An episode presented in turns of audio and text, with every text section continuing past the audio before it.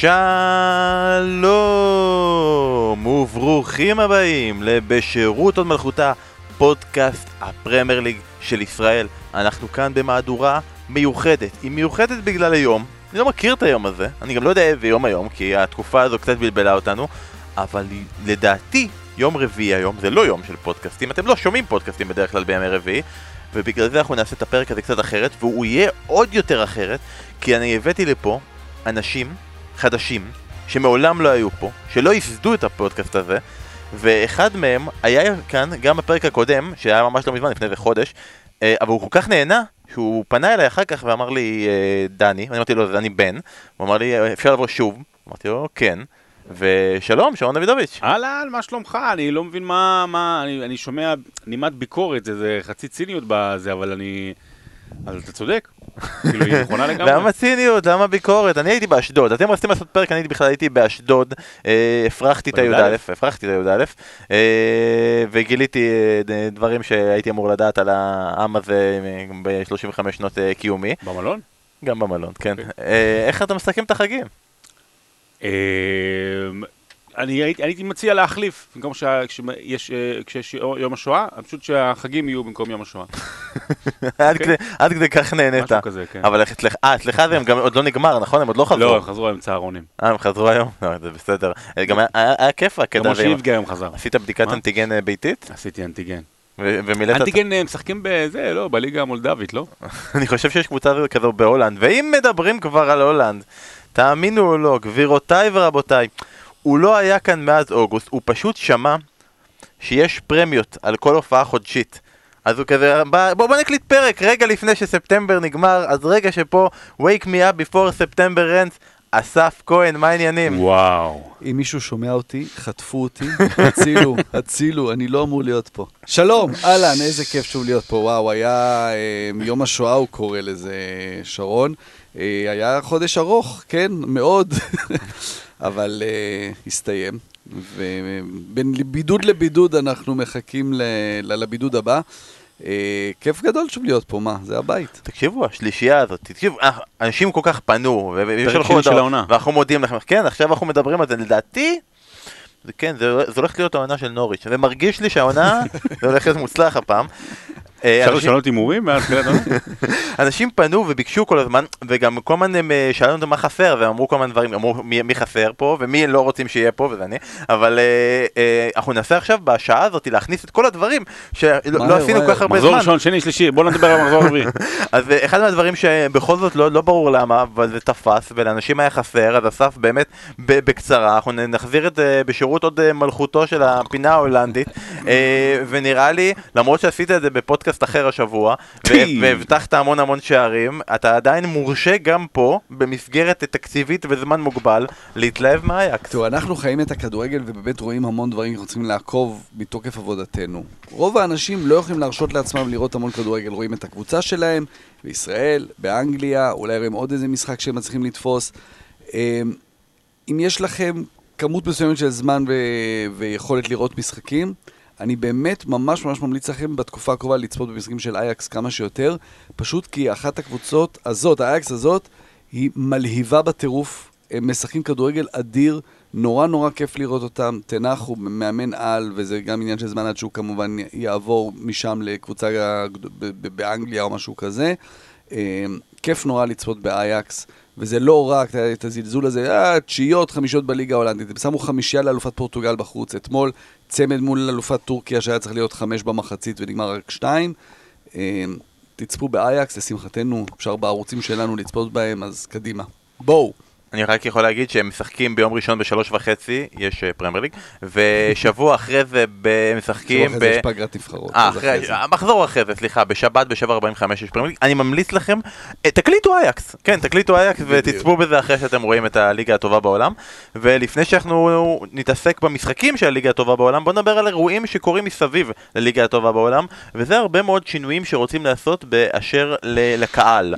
אה, אחרי שלא היה לנו קהל בשנה שעברה, ונראה שהשנה אה, יש המון דיבורים על כל מיני ניסויים וטסטים ובדיקות והחזרות של דברים שלא היו במשך הרבה מאוד זמן. שניים מרכזיים שבהם זה שכרגע מדברים על פיילוט של החזרת אלכוהול למגרשים, והפיילוט הנוסף שמדברים עליו... אלכוג'ל. זה כבר מותר. אה, אלכוהול למגרשים, והפיילוט השני זה מציעים לקבוצות להציע את עצמם בתור, אה, אה, להזמין אנשים ליציעי עמידה. כלומר, אה, ללא ישיבה במגרשים, שזה קצת זכור בכדורגל האנגלי לא לטובה. אני רוצה להתחיל איתך, שרון. אה, האם בכל זאת גם עכשיו, מבחינת יציאי עמידה, נגיד עדיין קורונה וכל זה, האם זה הזמן? האם זה קצת לרצות את האוהדים על כל התקופה האחרונה? אה, והאם דווקא הליגה האנגלית, עם כל הזיכרונות והעבר וההיסטוריה שלה, היא זאתי שאמורה לייסד את הפיילוט הזה? שמע, זה נראה כמו איזה עניין שולי, אבל האמת שמדובר בעניין אקוטי ו- ואפילו היסטורי, צריך לשים את, ה- את הדברים בקונוטציה הנכונה. בשנת 1989, אני מניח שרוב המאזינים שלנו יודעים, מכירים, אסון אילסברו, שבא אחרי אסון ענק של 96, 97 עכשיו אה, הרוגים, אה, ובא אחרי כל מיני אסונות קטנים או גדולים יותר שהיו במהלך השנים בכדורגל האנגלי, והאסון... מלבד כל ה... באמת השערורייה המשטרתית שהייתה שם, והיחס והכל הכל הכל, בסופו של דבר גם זה היה, אני חושב 50% מזה עניין טכני, פיזי, של היציאה עמידה. היציאה עמידה הם אה, מעק... מעקות כאלה, מעקים, מעקות, סליחה, אה, של כמו מבוך, שכל כמה מדרגות יש אה, מעקה שנשענים עליו, ובגלל הצורה הזו, הם ממש, האנשים היו לכודים, כי לא היה לאן לברוח, זה חסם אותם. אי אפשר נגיד היה כיסאות, אז היית מטפס מעל כיסאות או דברים כאלה. אה, וזה עניין טראומטי. וגם העניין של האלכוהול, זה, זה גם עניין טראומטי, כי היה חוליגניזם מאוד מאוד גדול בכדורגל האנגלי, ואפרופו הסיפור של איזברו, היו טוענות ש...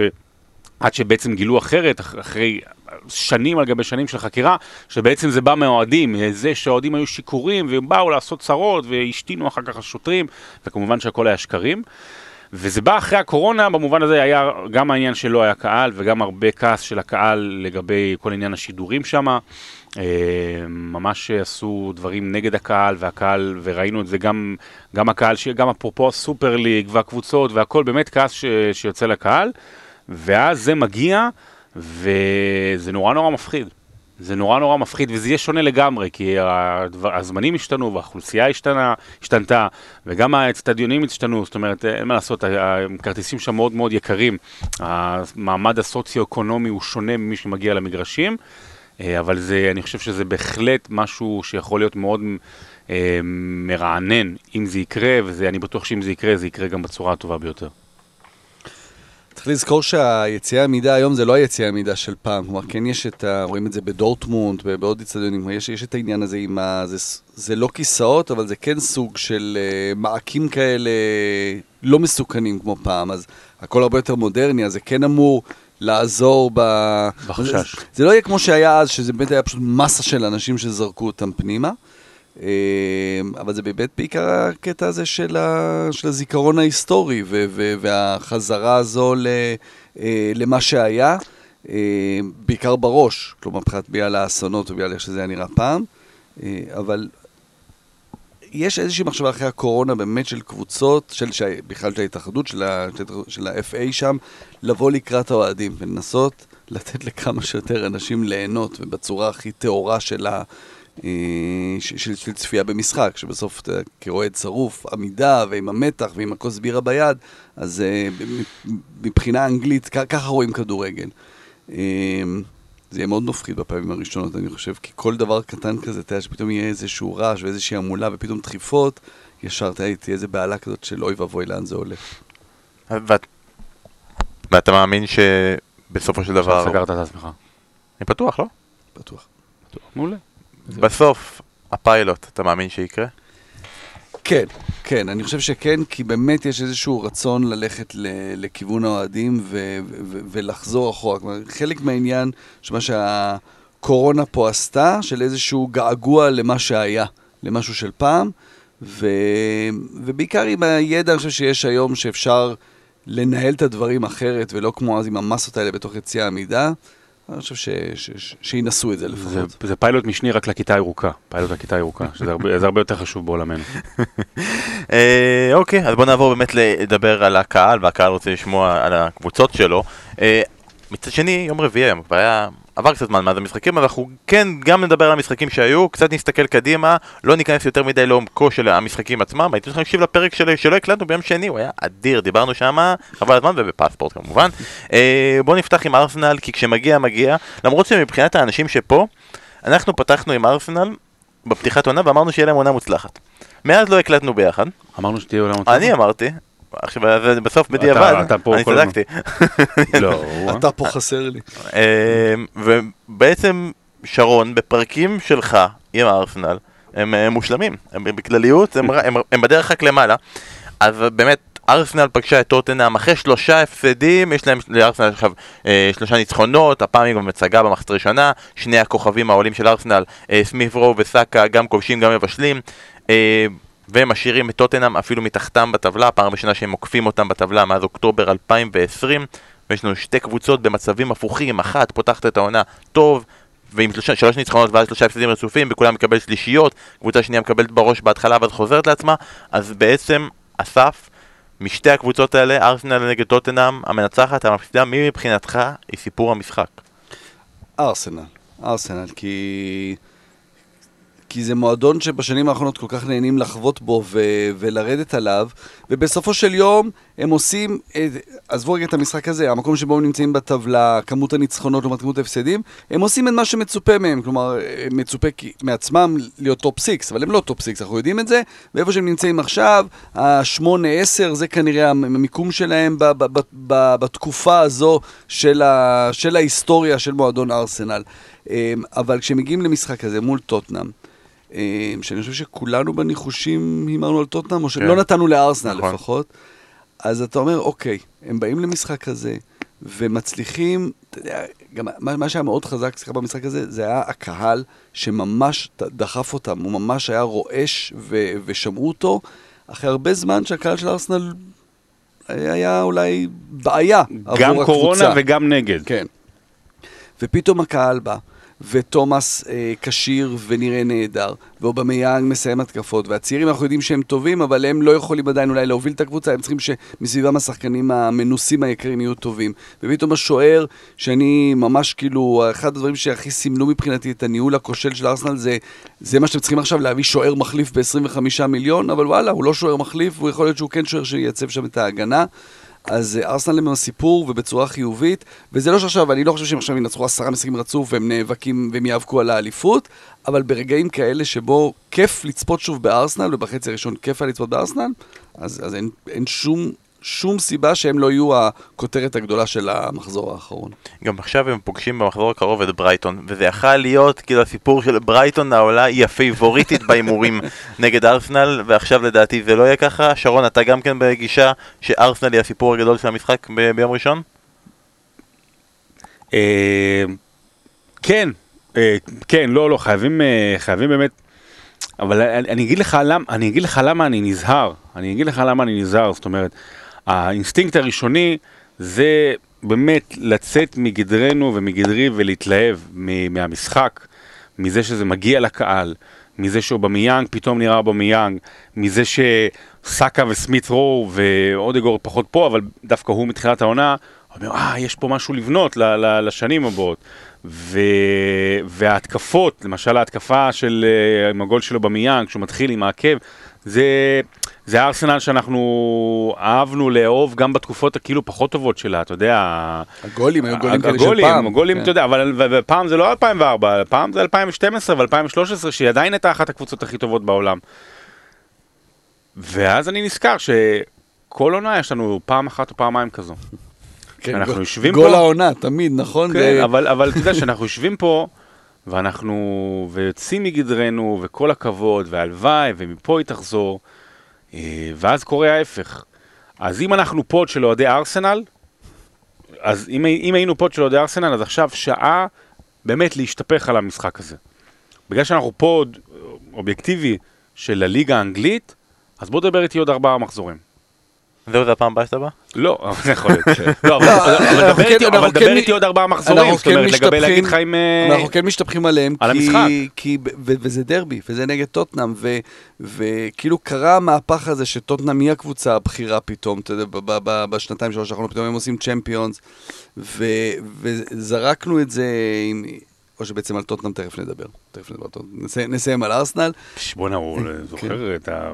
הוא בא לפה עם, אתה יודע, הוא זוכר את היד הקשה של הפוד. מה, לא- לא המבנה, לקפוץ יש מנושאים, מבנה, כן. יש ככה, מערכות. אה, לא, כי זה כן רגעים שבהם אתה יודע, אתה, אנחנו כל הזמן על ארסנל, לא אנחנו, כולם, על ארסנל אתה תמיד רואים את הרע שם, כי יש המון רע והמון דברים, ואתה יודע, וגם תוך כדי המשחק האדיר הזה, אז המצלמה כל הזמן הולכת ליציאה, ורואים את תיארי הנרי יושב שם ליד הבעלים של ספוטיפיי, שרצה לקנות את הקבוצה ולא מכרו לו, וכמובן יש את ה...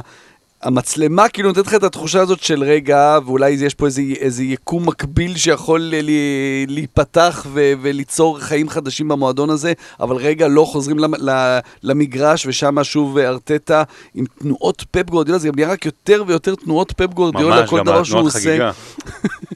אמ, וזה ההווה. אבל הנה, כשההווה לרגע אחד הוא טוב והוא מעולה והוא מדהים, כי, כי אין מה לעשות, כשמפרקים את טוטנאם זה תמיד, זה תמיד כיף, וזה היה פירוק של טוטנאם. הגול השלישי, שסאקה עובר כן. דרך, עובר דרך הארי קיין. כן. זה, אין, אין גדול מזה, כלומר, באמת דרך הכוכב הגדול של טוטנאם. אז אלה רגעים שבהם ארסנל, וואלה, איזה כיף לדבר עליהם. האמת היא זה מצחיק אה, בהארי קיין שמה, שהוא כאילו גולש, עוצר את סאקה, ואז הכדור פוגע בדייר וחוזר לסאקה, כאילו הארי קיין לא יכול, לא יכול יותר להגיד אני עושה פה הכל ושום דבר לא קורה, למרות שבעונה הזאת אי אפשר להגיד אפילו שהוא עושה פה הכל, ואתה יודע, יקום מקביל, אבל אה, כרגע אתה פתאום, פתאום האוהדים של ארסנל, ספוטיפיי. יש שם מלא פרסומות, בלי צריך אותם בכלל, אפליקציה מגעילה, תן לי להישאר עם ה... מורידים, עושים מנוי ביוטיוב. ב Winamp, ב Winamp הם עכשיו עדיין חזקים, עושים... אני עדיין בווינאפ דרך אגב. עדיין יש לך? ומה- העיקרון, מה- איך קוראים לזה? אה, מה זה, הימור על משחקים, יחס 2.40? מה זה ווינר, מה? אתה לא זוכר מה זה ווינאפ? די, אבל לא. אבל אה, skin, סקינים היה skin. ב Winamp. איזה skin יש לך? skin אה, מטאליקה. אתה שומע מטאליקה? לא. לא, זה סתם בגלל שזה יפה. מבחינת מבנה, עכשיו אנחנו נדבר על טוטנאם, אז זה. בסדר אפשר זה. הקבוצה היחידה שפתחה עם שלושה ניצחונות ואז שלושה הפסדים מאז אברטון 93-94 שאז היא סיימה במקום ה-17 וכמובן בעידן הפרמייר ליג, העידן בו הכדורגל התחיל להיות משוחק וכל דבר לפני זה לא נחשב. אה, תקשיב, לפני המשחק שרון שולח... כן, אה, הם כל הזמן מתים עכשיו אנשים באנגליה. כל ה... כל- וכתוב על זה ש... וכתוב שהם שיחקו באנגליה, אבל לא מבין איפה הם שיחקו. בכלליות כן, עשו טקס לג'ימי גריבס שהיה שחקן חובבן שלא שיחק, אני לא מבין כאילו, היה משחק בדשא שם לפני שהיה זה, אה, שרון העלה ציוץ. לפני המשחק שבעיקרון זה משחק שקלאס הארי קיין צמד זה בהגדרה, אתה יודע פוגש את ארסנל זה הכי, ונראה לי שזה הרגע בו אתה צריך להודות אחרי שאתה מסתכל על טוטנאם ועל המצב שלה כרגע. כמה גדול היה הארי קיין שנה שעברה, ואיזה שחקן עונה הוא היה, אבל אה, לא לא ניכנס לשם עוד פעם, מה קורה לטוטנאם שרון. אני מנסה, אני מנסה לדמות את זה, ל... זה באמת, זה... טוטנאם זה כרגע גוף ללא. איברים פנימיים. חסר לך היי בגוף. גופה. אה, איזה יופי, חידודי לשון. בקיצור, גם אה, זה אה, בפודקאסט, אוקיי. בשירות המלכותה. זה גוף ל- ל- ללא נשמה בפנים, זה גוף ללא איברים פנימיים. אני מסתכל, אה, הסתכלתי על היום אחרי זה, הייתה. דווקא לוקאס- לוקאס מורה זה לגמרי המעי העיוור. ראיתי יום אחרי זה את המסיבת עיתונאים של פוצ'טינו, לקראת המשחק מול מנצ'סטר סיטי, והוא מדבר עם העיתונים האנגלים באנגלית. ויש לו כל כך הרבה חן, והוא כזה חמוד, ואתה אומר לעצמך, איך, איך, איך הם ויתרו עליו והכל, ואני מנסה לחשוב, אני, אולי נחזור לפרק שבו הוא פוטר. לחשוב, יכול להיות שאמרנו שזה, כאילו שזה הדבר הנכון לעשות, כי, כי, כי, זה, כי מיצו את עצמם. זה היה כי- באיחור כאילו, היה צריך כאילו ללכת אחרי הגמר. אחרי הגמר, כן. אבל אמרנו את זה, וגם, וזה בא מתוך הידיעות שהשחקנים כבר לא הסתדרו איתו והכל, אבל באמת שזה שם בפרספקטיבה את הפרופורציות הנכונות, מה זה לא להסתדר. ו- ומה הקטע הזה כשאתה, כשאתה נורא מצליח, אז אתה חושב שהכל בא לך בקלות והכל אתה מסתדר עם עצמך, ואתה תצליח לבד, אבל אתה לא מצליח בלי, ה- בלי ה- אולי הסיבה העיקרית. ו- וטוטנאם באמת הייתה בדרך הנכונה להפוך להיות אימפריה, באמת, בכדורגל האירופי. ו... והיא פשוט לקחה את הפנייה הלא נכונה בצומת ההיא, ההוא, ו... והיא מתרסקת עכשיו, ומה שקורה להארי קיין, יום יבוא ואני אספר על זה בהרחבה, זה מזכיר לי את הסיפור של נבחרת זעיר ב-1974 במונדיאל. יש סיפור מפורסם שאיימו עליהם, לא משנה, שלא, הם לא רצו לעלות כי לקחו להם את הכסף, אה, הם היו אמורים לקבל אה, מענקים ולקחו להם את הכסף, והיו אמורים לעלות. והם אמרו, אנחנו, ו, ולקחו להם את זה, ואמרו אנחנו לא עולים, ואז באו פיפא, אנשי פיפא, ואיימו עליהם ב-3,000 יורו, אם מרק, סליחה, 3,000 מרק, זה היה במערב גרמניה, אם אתם לא עולים, כל אחד מקבל קנס. ואז הם עלו, אבל הם עלו כאילו בלי חשק ובלי רצון, וככה זה נראה. עכשיו העניין הוא שגם כשטוטנאם ניצחה, בשלושה המשחקים הראשונים, היא הייתה יותר פחות טובה מהיריבה. זאת אומרת, זה היה באמת לגמרי מקרי. אה, אבל זה לא- זה גוף חלול. הקטע עם ארי קיין, אתה יודע, ואנחנו תמיד פה ליברלים שוחרי uh, זכויות אדם, ואדם לא צריך לעבוד במקום שהוא לא רוצה לעבוד בו. מצד שני, אף אחד גם לא אמר לבן אדם לחתום על חוזה לשש שנים, בשכר שלא היה כמותו לפני כן במועדון, ו... ואתה יודע, ואז לבוא ולהגיד, אני רוצה לעזוב למקום אחר, אז, אז זה מאוד מאוד, uh, מאוד קשה פה לשפוט את העניין הזה, ובטח כשאתה רואה את קיין כמו שהוא נראה. אבל יותר מזה עבור טוטנאם, אתה יודע, היא מגיעה למשחק מול היריבה הגדולה שלה, בדרבי. ואתה בא למשחק הזה תמיד בתחושה של אוקיי, אני, אני, אני בא מול היריבה הגדולה, צריך להוכיח את עצמי וצריך לנצח בשביל האוהדים, בשביל עצמנו, בטח כמו שהם נראו בשני המשחקים שלפני כן. ו... וזה סיוט עבור טוטנאם, כי זה לא המשחק רק השלוש אחת. הם הסתכלו במראה וראו לאן הם הולכים.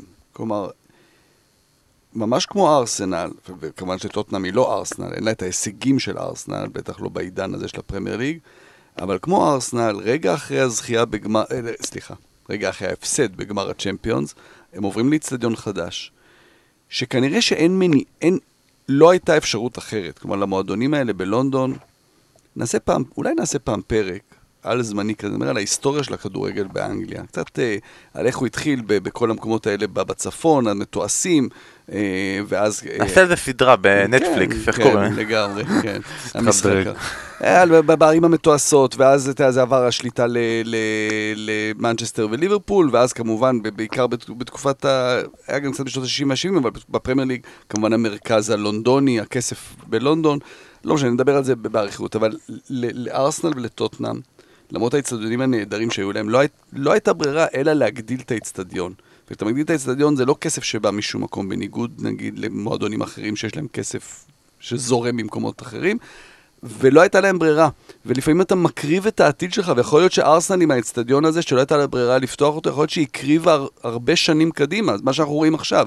ויכול להיות שזה מה שטוטנאם הולכת לעבור. וזה זה, זה לא פשוט להבין את זה, בטח כשאתה רואה את האויב שלך, שזה מה שעובר לה, ואתה מבין שזה מה שהולך לקרות לך. ואז בנוסף מגיע גם ההפסד הזה וה- והמביש, ומה שקורה להם עכשיו.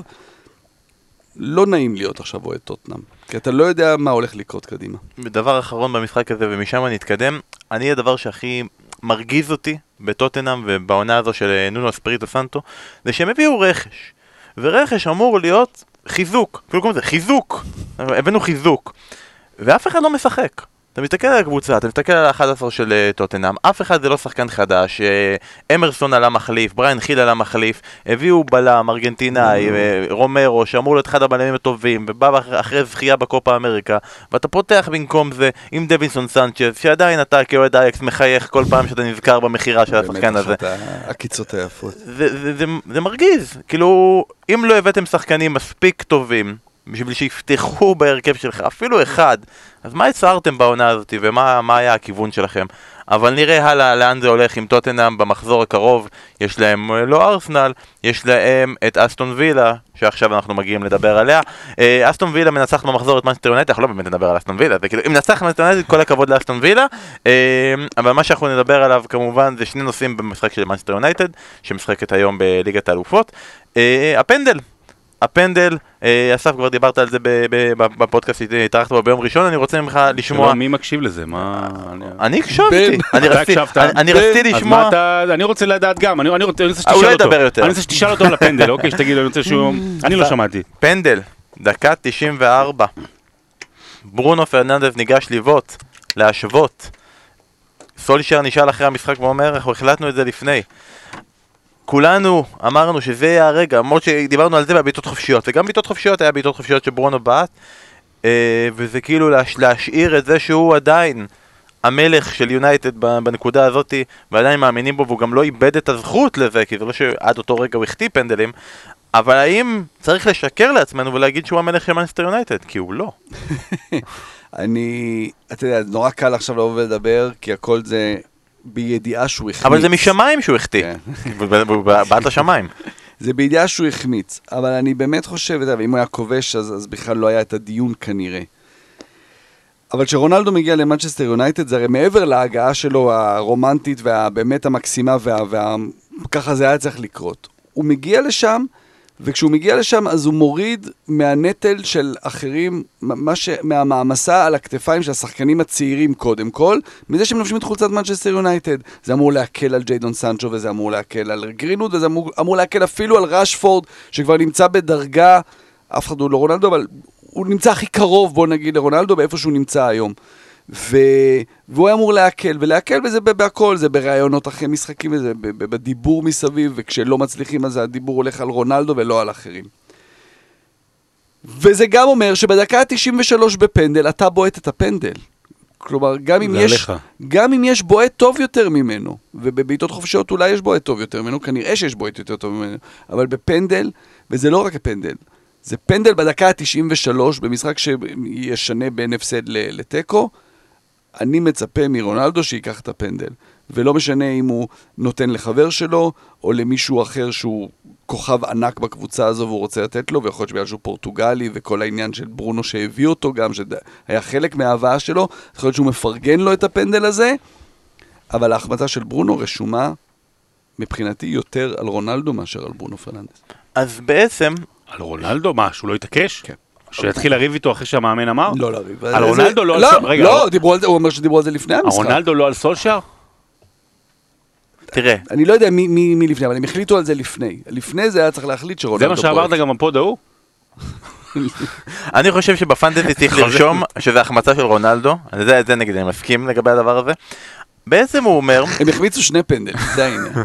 בעצם הוא אומר פה, שגם ככה רוב הדיבור פה על מנסטר יונייטד זה שעכשיו זה אה, ההצגה של רונלדו ושלקחו קבוצה לא רעה ועכשיו זה הכל רונלדו וגם מה שהיה טוב במנצ'סטר יונייטד ופנדלים זה דבר שהיה טוב במנצ'סטר יונייטד זה היה קורה הרבה גם את זה צריך להעביר לרונלדו. אז זו שאלה האם, האם, האם זה נכון או לא? פלוס אני רוצה לשאול אותך אתה מומחה בשפת גוף זה אחד הדברים שזה ראיתי את זה בקורות חיים שלך ובדיבור מעבר למשחק. ורונלדו עמד מאחורי ברונו פרננדס לפני הפנדל וגם גרם ל trash talk של אה, אמיליאנו מרטינז שאומר למה אתה לא בועט? ומצביע עליו למה אתה לא בועט? וגם זה כאילו לנסוך בביטחון אבל גם כאילו לא עומד מאחורה עם כולם אלא אני פה מאחורה ומזכיר כל הזמן שאני כאן לא יודע, אומר לו, מכווין אותו, נותן לו עצות אומר לו אחר כך לא נורא, אתה לא תבעט יותר, זה בסדר, דברים כאלה האם זה גם לא סיטואציה שכאילו לא מספיק הסיטואציה מלחיצה גם זה שהשחקן המרכזי שאסף רוצה שאיבת הפנדל עומד מאחוריך בזמן הפנדל ולא עומד עם שאר שחקני הקבוצה זה עוד נקודה שקצת מפריעה לא, לא, תראה, אני, אני מסכים עם הנקודה שרונלדו צריך היה לבעוט, זה, זה אשמת סולשאר, זה הסקורר הכי גדול בהיסטוריה של המשחק, אחד הווינרים הכי גדולים אי פעם. תן לו את הזה, הוא אוהב את זה, הוא חי בשביל זה, הוא זה שמחליט תמיד לבעוט את הפנדל החמישי בדו-קרב פנדלים, כי בדרך כלל פנדל חמישי הוא המכריע, אה, ואתה יודע, ולא תמיד זה מגיע אליו, אז תן לו את זה, תן לו, אפילו שזה ברונו. אנחנו וכל עולם הכדורגל צריך קצת אה, לנשום. זה, אני, אני באמת לא ראיתי, אה, הרי, הרי אתה יודע, החלטות של אה, כדורגל קשה מאוד לשפוט אין גיים, זה לא כמו כדורסל. גם חילופים, אתה יודע, לא, כמה באמת מאמן יכול להשפיע. ואנחנו נותנים בשנים האחרונות אה, עוצמה ו- וחשיבות גדולה מדי לעניין אה, ההכרעה של, של מאמן לבועטי פנדלים. גם, ב, גם, ב, גם בגמר היורו. זאת אומרת, נכון, הוא הכניס, נכון שכבר לא, שבסאוטגייט הכניס אה, חבר'ה קרים וצעירים והכל, אבל בסופו של דבר הם, הם כנראה בועטים ממש טוב פנדלים, והם, ו, וזה עניין של הרוב מזל. וגם, ועובדה שדויד מויס הכניס את מרק נובל, שגם בועט טוב והוא לא צעיר. וגם זה מזל, והוא החמיץ בווסטהאם נגד יונייטד, נכון? כן, מעכשיו צריך להיות משחקים של דקה 94, יש פנדל מכריע אז זה כאילו, אז נכון, זה לקח את כל תשומת הלב, אבל זה, זה למזלו של סולשייר זה לקח את תשומת הלב. כי יונייטד מתחילת העונה לא נראית, אולי חוץ מהמשחק הראשון, לא נראית טוב. יונייטד לא נראית טוב, יונייטד נראית משעממת, יונייטד נראית חסרת תכלית. ויונייטד, אנחנו, אנחנו כל השנים אמרנו, אה, סולשר זה לא הפתרון. ו... אבל אנחנו כן מסכימים שיש, עברה הקבוצה איזושהי כברת דרך, וייתכן שהוא גם מנהל מקצועי טוב עם מה שהוא מביא, ולאט לאט זה נבנה, אז מגיע לו את הצ'אנס. אבל אם מנצ'סטר יונייטד צריכה להחליט בשני המחזורים הקרובים, האם זה האיש שיוביל אותה העונה לאליפות, או שהולכת לה גם העונה הזו כפות. זה הולך להיות בשני, בשני המחזורים הקרובים, הזה וזה שאחרי הפגרה. ואם היא לא תחליט את זה עכשיו, זאת אומרת, אם מפסידים את שני הבאים, מפסידים את שני המשחקים הבאים, או משיגים רק נקודה אחת עם שני המשחקים, או שתי נקודות, וסולשר ממשיך, אין בעיה. אתם החלטתם שהשנה לא נלחמים על אליפות. אברטון ולסטר. לא, קשה, לא קל בכלל, ויקלר גם אחר כך... אחרי זה ליברפול. כן. אני חושב שאם הם מפטרים את סולשר עכשיו, וזה לא יביא אותם לכיוון טוב, זה לא יהיה טוחל. זה לא יהיה טוחל לפטר אותו עכשיו, הם לא ילכו משם למעלה, אבל אה, באמת בדבר הזה עוד חזון למועד.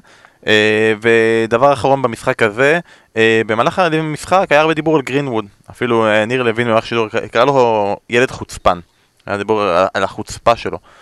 ותמיד יש חוצפה ויש חוצפה חיובית. או, אני רוצה לדבר על זה. או! טוב שאתה פה. טוב שאתה פה. בוא נשאל שאלה, בוא נשאל שאלה לגבי גרינווד, בוא נשאל שאלה, מתי, באיזה נקודה כדורגלן הוא חוצפן ובאיזה נקודה הוא, אה, הוא לוקח על עצמו, אתה יודע. כש, כשרונלדו עומד שם אז הוא חוצפן וכשרונלדו לא היה שם אז זה בסדר. אז, אני, באמת אני מנסה להבין, זאת אומרת, הפכנו, הפכ, הפכנו אותו לאחד הכוכבים הצעירים הטובים ביותר בעולם.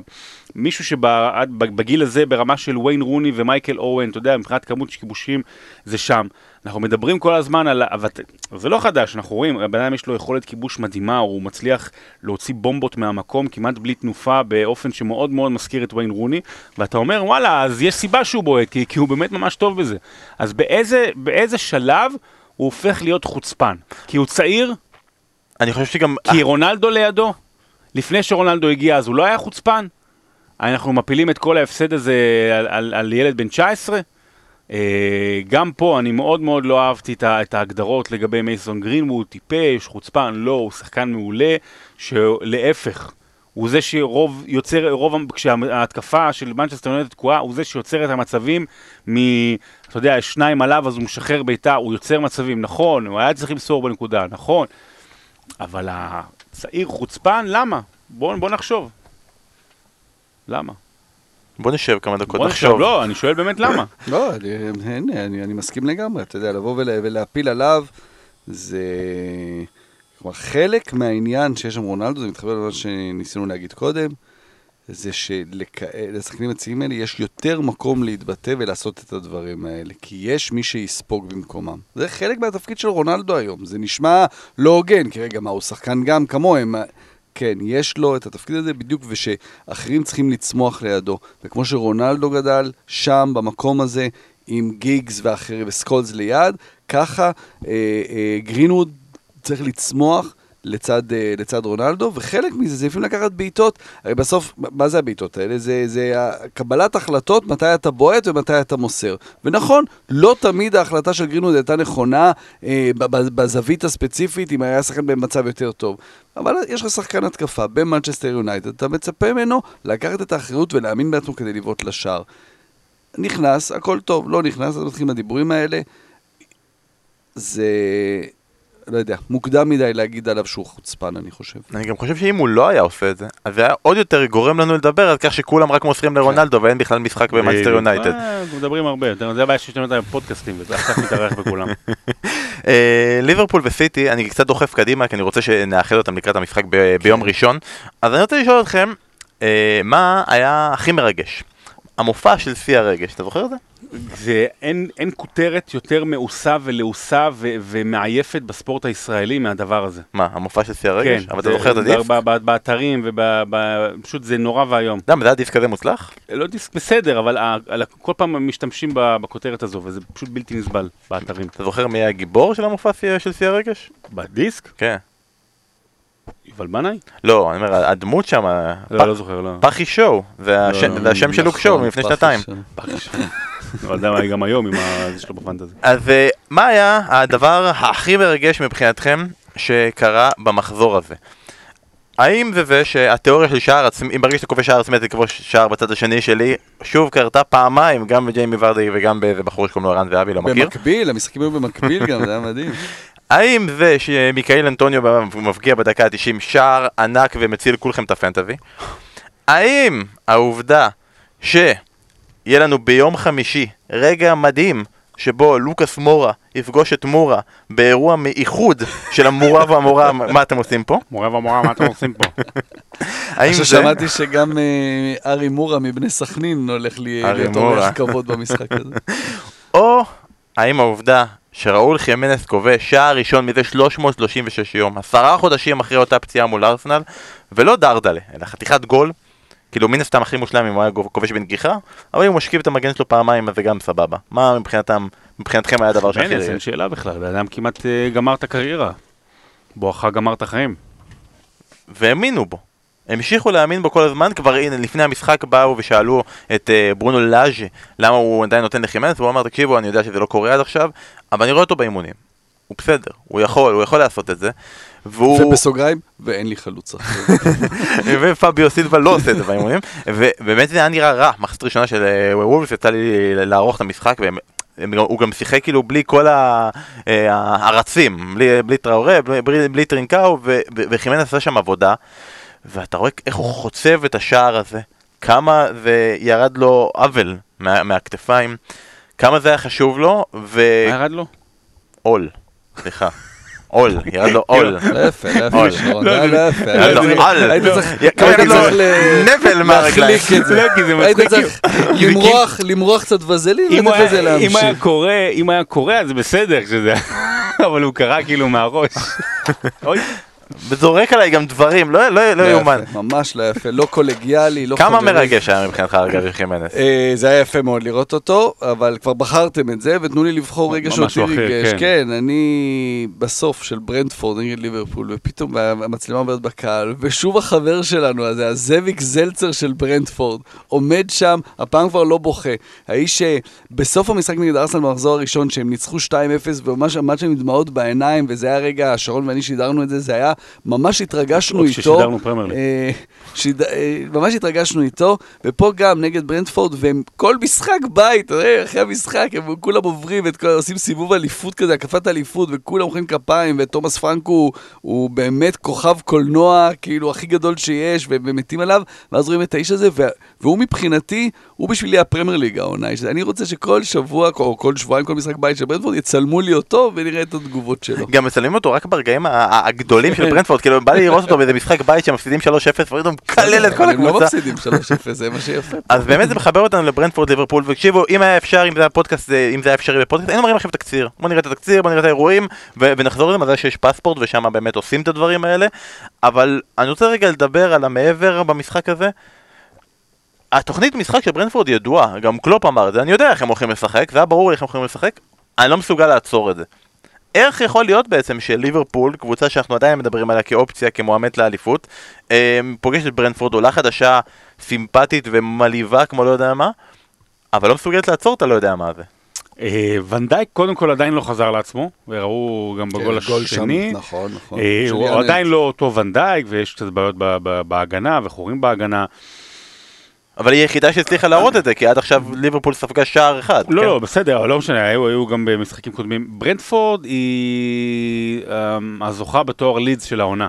לפני שלוש עונות. שפילד יונייטד שלפני שנתיים. אז זהו, לפני אבל שלוש עונות. אחר, אבל אחר אבל לגמרי. לפני שלוש עונות, כאילו, לפני שלוש עונות זה הייתה וולפס, שהייתה גם מלהיבה, ושנה שעברה זה הייתה לידס, והשנה זה ברנדפורד.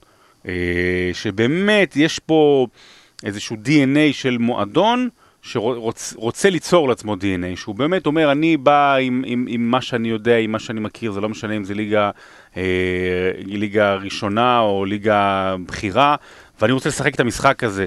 אה, ו- ואנחנו רואים באמת כדורגל כיפי וכדורגל חכם ומדהים עד עכשיו שהם הם באמת, הם, הם לא הפסידו, נכון עד עכשיו? או שהפסידו פעם אחת? מי, ליברפול? לא, ברנדפורד? ברנדפורד, אבל... לא, הפסידו. אבל הם, הם כאילו כמעט ולא סופגים עד השלישייה הזו. יש משהו שבאמת ברנדפורד הופכת להיות זו שחייבים לראות משחקים שלה בליגה האנגלית.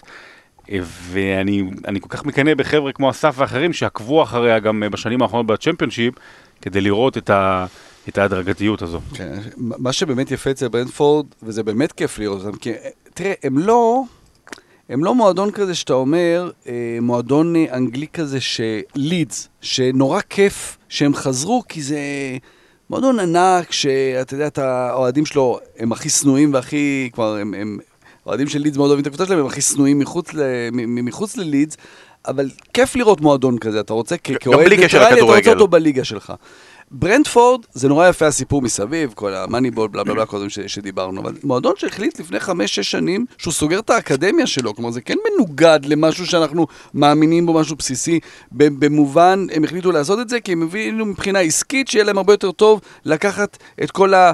נגיד נפלים של האקדמיות אה, של הקבוצות הגדולות מסביבם ולהפוך אותם לשחקנים. עכשיו, זו מחשבה יפה, מאוד עסקית, מאוד, אה, מה, נגיד, מהשכל ולא מה, מה, מהלב.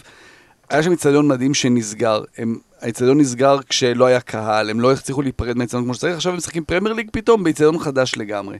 ואתה רואה קבוצה על הדשא, מאוד מאוד מחוברת, כלומר, מה שהם עשו בצ'מפיונשיפ בשנים האחרונות, הם ממשיכים לעשות כאן, בהרבה מובנים גם יותר קל בפרמייר ליג, כי נותנים לך יותר לשחק, כלומר, ברור שהקצב הרבה יותר גבוה וה, וה, והשחקנים שאתה משחק מולם הם הרבה יותר טובים. אבל כשהם באים לשחק מול ליברפול, ובאמת לא נופ... כלומר, גם כשהם כבר בפיגור, גם כשכאילו המשחק נגמר, בשלוש-שתיים הוא נגמר, זה אמור להיות ארבע-שתיים ובזה זה ייגמר, הם מצליחים להתמודד כמו שצריך, כי הם ממשיכים את המשחק שלהם. עכשיו, כשקלופ אומר שהוא מתקשה להתמודד, הוא יודע מה הם עושים, הוא מתקשה להתמודד איתם, חלק מהעניין זה יכולת להתמודד עם החיבור המאוד מאוד חזק שיש שם. זה כאילו, אני לא מדבר פה מקצועי, אבל זה היה נכון לשפילד יונייטד לפני שנתיים, וזה נגמר בשנה שעברה. הם שיחקו כדורגל דומה, אבל דברים כאילו כבר עברו קצת. יש פה עוד איזשהו חיבור מה, מהשנים האחרונות, אה, ביחד עם שחקנים שמאוד מאוד מנסים להוכיח את עצמם, ונותנים הרבה מעבר. אני, אני צריך לראות את המספרים, אבל אני בטוח שמבחינת אה, הקילומטרים שהם עושים על הדשא, ברנדפורד ממש בצמרת של, ה, ש, של הליגה. אתה, קצת כמו לידס שנה שעברה, ששם שם זה כמובן גם דבר של המאמן, או הפילוסופיית כדורגל של המאמן, אבל פה יש איזה אקסטרה שהשחקנים של ברנטפורד נותנים בכל משחק. ועכשיו מהצד השני ליברפול, אני רוצה להסתכל רק על, על הטור של הכיבושים. מאז אה, בספטמבר 3-0 על לידס, אחר כך 3-2 מול מילאן, 3 מול קריסטל פלאס, 3 מול נוריץ', 3 מול ברנטפורד, אתמול חמישייה על פורטו.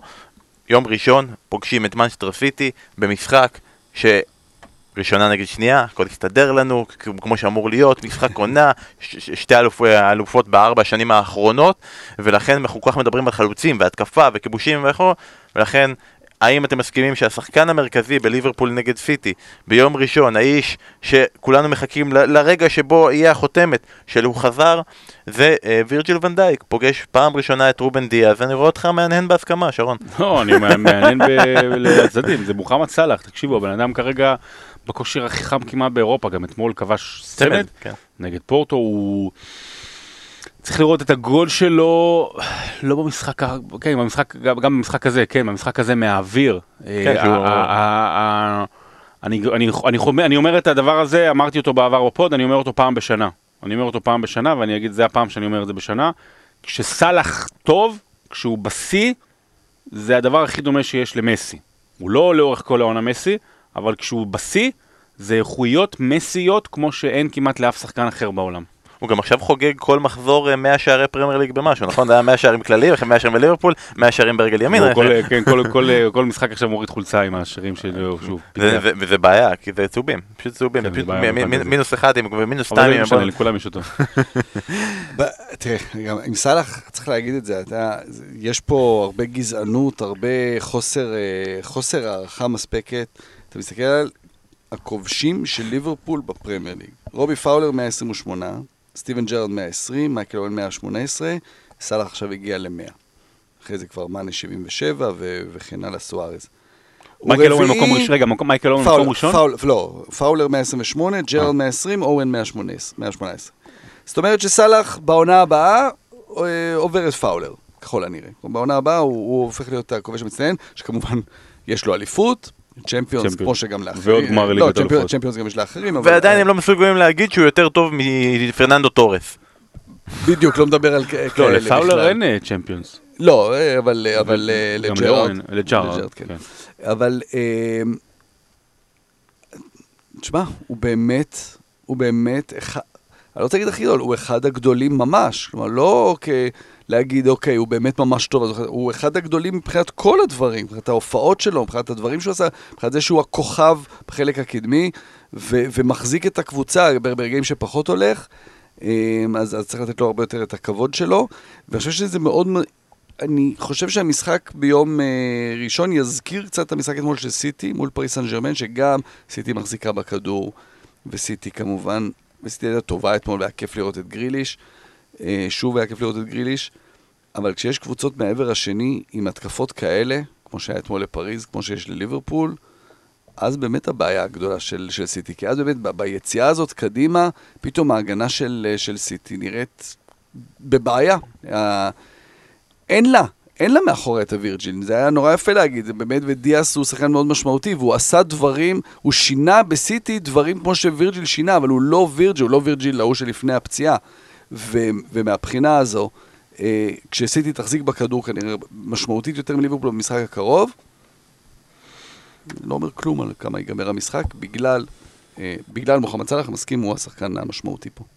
וגם, אתה יודע, הבעיה בסאלח בעיקר, גם נגיד היה ראיון של ניב דוברת עם אה, רובי פאולר שיהיה השבוע אה, בערוצים, אנחנו ננסה גם להשמיע אותו בפודקאסט, וגם הוא אומר, הוא שחקן מדהים, אבל זה שהוא השתיק את הקהל במשחק של באזל נגד מכבי, זה הוריד לי.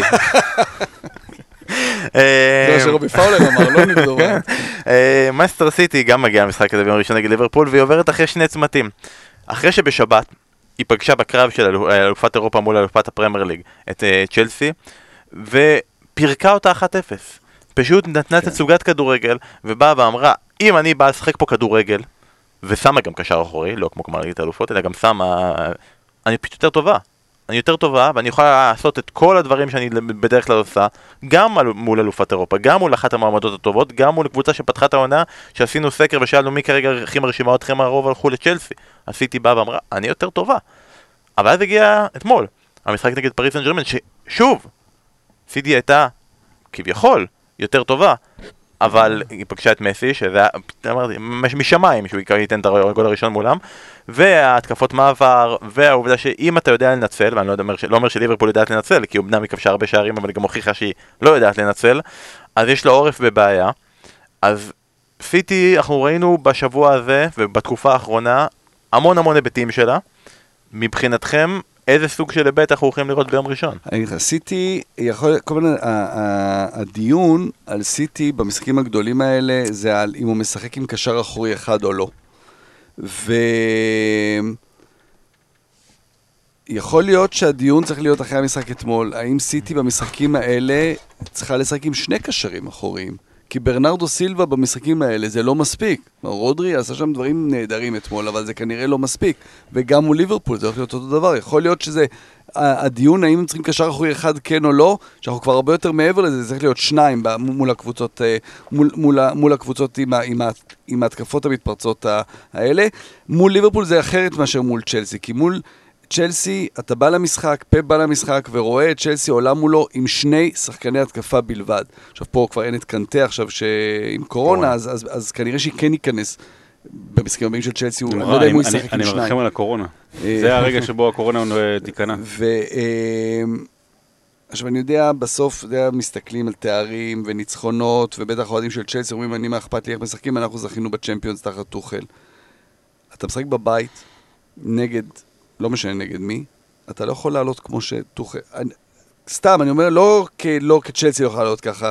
כאוהד כדורגל, לא אוהב את זה, ותקראו לי יפה נפש ו... ו... יפה נפש. יפה נפש. לא, אי אפשר. אי אפשר, אני לא יכול לקבל את זה. לא יכול לקבל את זה שטוחל עולה עם ה... נכון, אלונסו הוא כאילו התקפי, הוא לא שחקן התקפה באמת ב- ב- ב- ב- ב- ב- במהות. במהות, כשיש רק שניים מקדימה, אני לא אוהב את זה.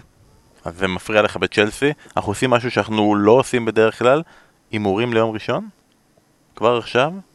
זה לא מחייב אתכם היום להימורים. הפועל אחר כך. ירושלים תכבוש. היום הפועל ירושלים תל אביב. תכבוש. אה, מכבי תל אביב היא תכבוש. כן, יופי. אחת- ארבע. אה, הימור, אה, שתיים עזוב, אחת- מי פייבוריטית? ליברפול בוודאי. ליברפול בוודאי. ליברפול כרגע, ליברפול, אני חושב, אחרי ההפסד של צ'לסי לסיטי, ליברפול נראית הכי טוב מתחילת העונה בין הגדולות בליגה. ולכן היא פייבוריטית? אתה גם מאמין שליברפול כרגע אה, פייבוריטית? אתה תמיד מהמר שסיטי לוקח את האליפות, זה כאילו בקל כן. שלך. אמ, אני חושב שזה זה מאו- זה מאוזן, זה מאוד מאוזן.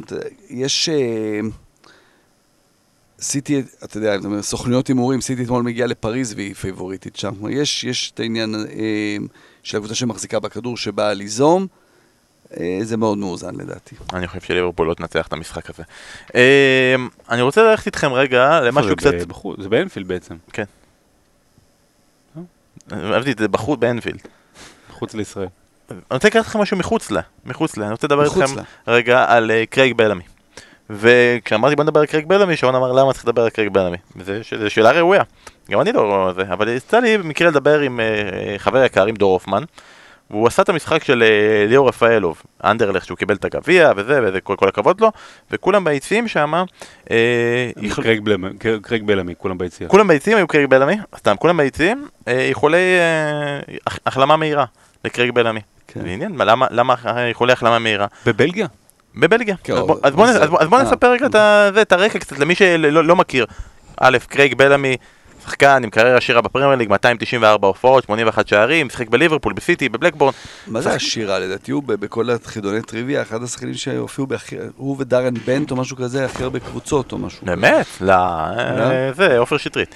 אה, אחר. כך, אחרי שהוא פרש, היה בצוות המקצועי של קרדיף, מחלקות נוער, הושעה אחרי שניתן שהוא התייחס בבריונות לשחקן צעיר, והלך אחר כך ל, אה, ל, להיות בצוות המקצועי של וינסנט קומפני, אחרי שהוא אה, פרש, ו... לא פרש עדיין, הוא עבר לאנדרלכט והצטרף אליו, היה מאמן קבוצת עד גיל 21. ואז במהלך הקורונה ב-2020, בשבוע מודעות אה, לבריאות הנפש, קרייג בלמי מכריז שהוא אה, במשך שנים מאובחן כסובל מדיכאון. אה, סובל מדיכאון, אה, מטופל תרופתית, ואומר, אני לא סובל מדיכאון מאז הפרישה, אני סובל מדיכאון במהלך כל הקריירה שלי. והיה לי קשיים מאוד קשים במהלך הקריירה, זה השפיע על החלטות בקריירה שלי. אה, אה, הפסדים היו גורמים לי, לא הייתי מסוגל לצאת מהבית, לא הייתי מסוגל לדבר עם המשפחה, לא הייתי מסוגל לדבר עם החברים, הייתי מסתגר, הייתי כל פעם שהייתי נפצע, והיה היה כל כך כואב לי, לא הייתי מסוגל להמשיך, הייתי רק רוצה שזה ייגמר, מוותר על קבוצות גדולות רק כדי לא להגיע לשם. אה, דברים מאוד קשים שהוא אמר. ואמר אני מנסה להתמודד עם זה.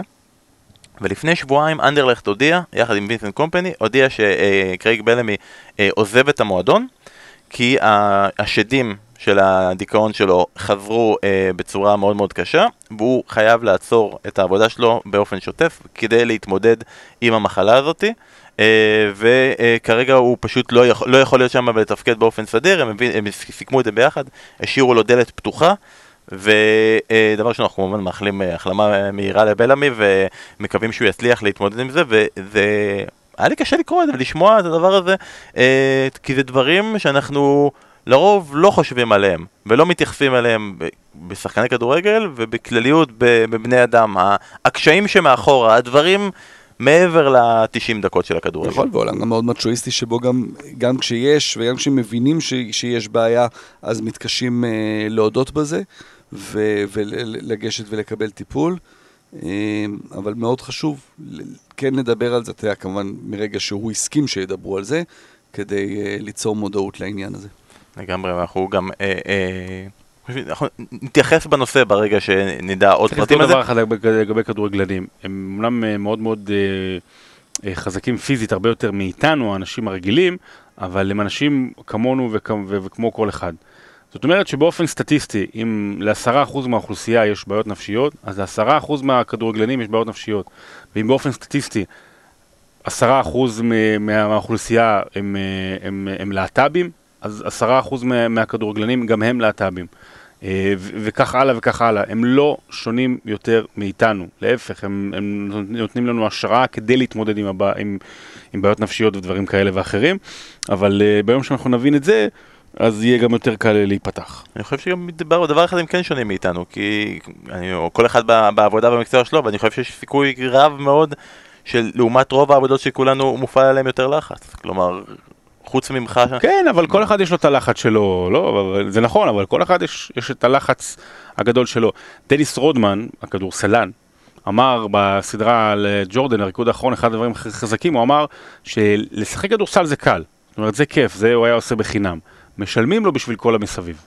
משפט טוב. הוא אמר, ככה הוא מדבר. ואז הוא הלך אה, לקים קים ג'ונג ג'ונג און. אה, מסביב זה... אה, רק אה, כי אתה עשית. מעשה מאוד לא יפה וניסית לערער אותי ו- ולא ראוי לעשות ככה, אז כמובן שקרייג בלה משחק בשבע קבוצות שונות בפרמייר ליג, יש רק אחד ששיחק בשמונה קבוצות, זה מרקוס בנט, פתאום אמרתי דארן בנט, ויש עוד שלושה שחקנים ששיחקו בשבע קבוצות שונות בפרמייר ליג, אנחנו ניתן למאזינים שלנו. לכתוב לנו את התשובה, מי הם השלושה הללו, כולל תשובה אחת מאוד מאוד נחמדה. הבעיה שאתה מה- מה שאתה עושה מעשה מאוד לא יפה, ואתה שואל תמיד חידות אחרי זה שעה של פרק. זה למטיבי הלכת. זה להארדקור של ההארדקור. ואנחנו נסיים את הפרק הזה ואת האיחוד המרגש שאנחנו כולנו מקווים שיימשך ויימשך עם זה שאתם יודעים מה אומר שנגמר סוכות חוץ מזה שנגמר חגים והילדים הולכים לחזור. מהי העונה שברגע שנגמר סוכות מה קורה? בידודים. לא, לא.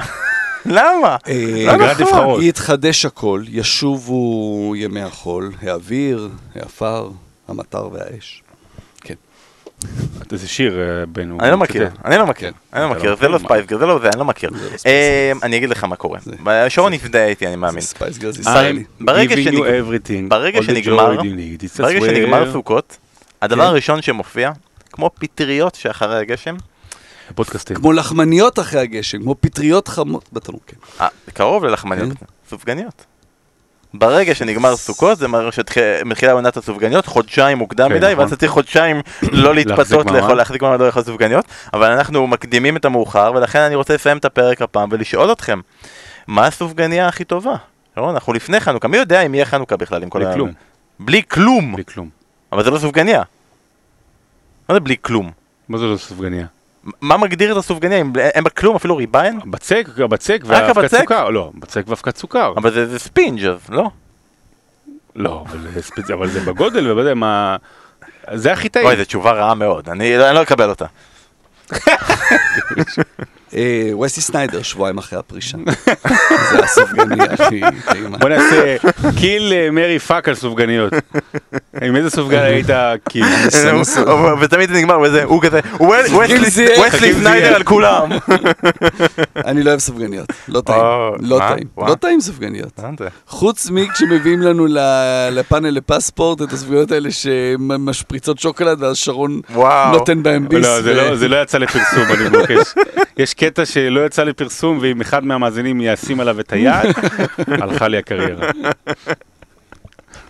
לא טעים סופגניות, כן. בן, תן לנו את הסופגניה אז הנה, שלך, כי... לא, לא, אני אתן כן. לשיר את זה למ- למאזינים, לערער את הטענה, עד פה נטען שתי טענות, טענות נוראיות, אחת לסופגניה בלי כלום, והשנייה לא לאכול בכלל סופגניות.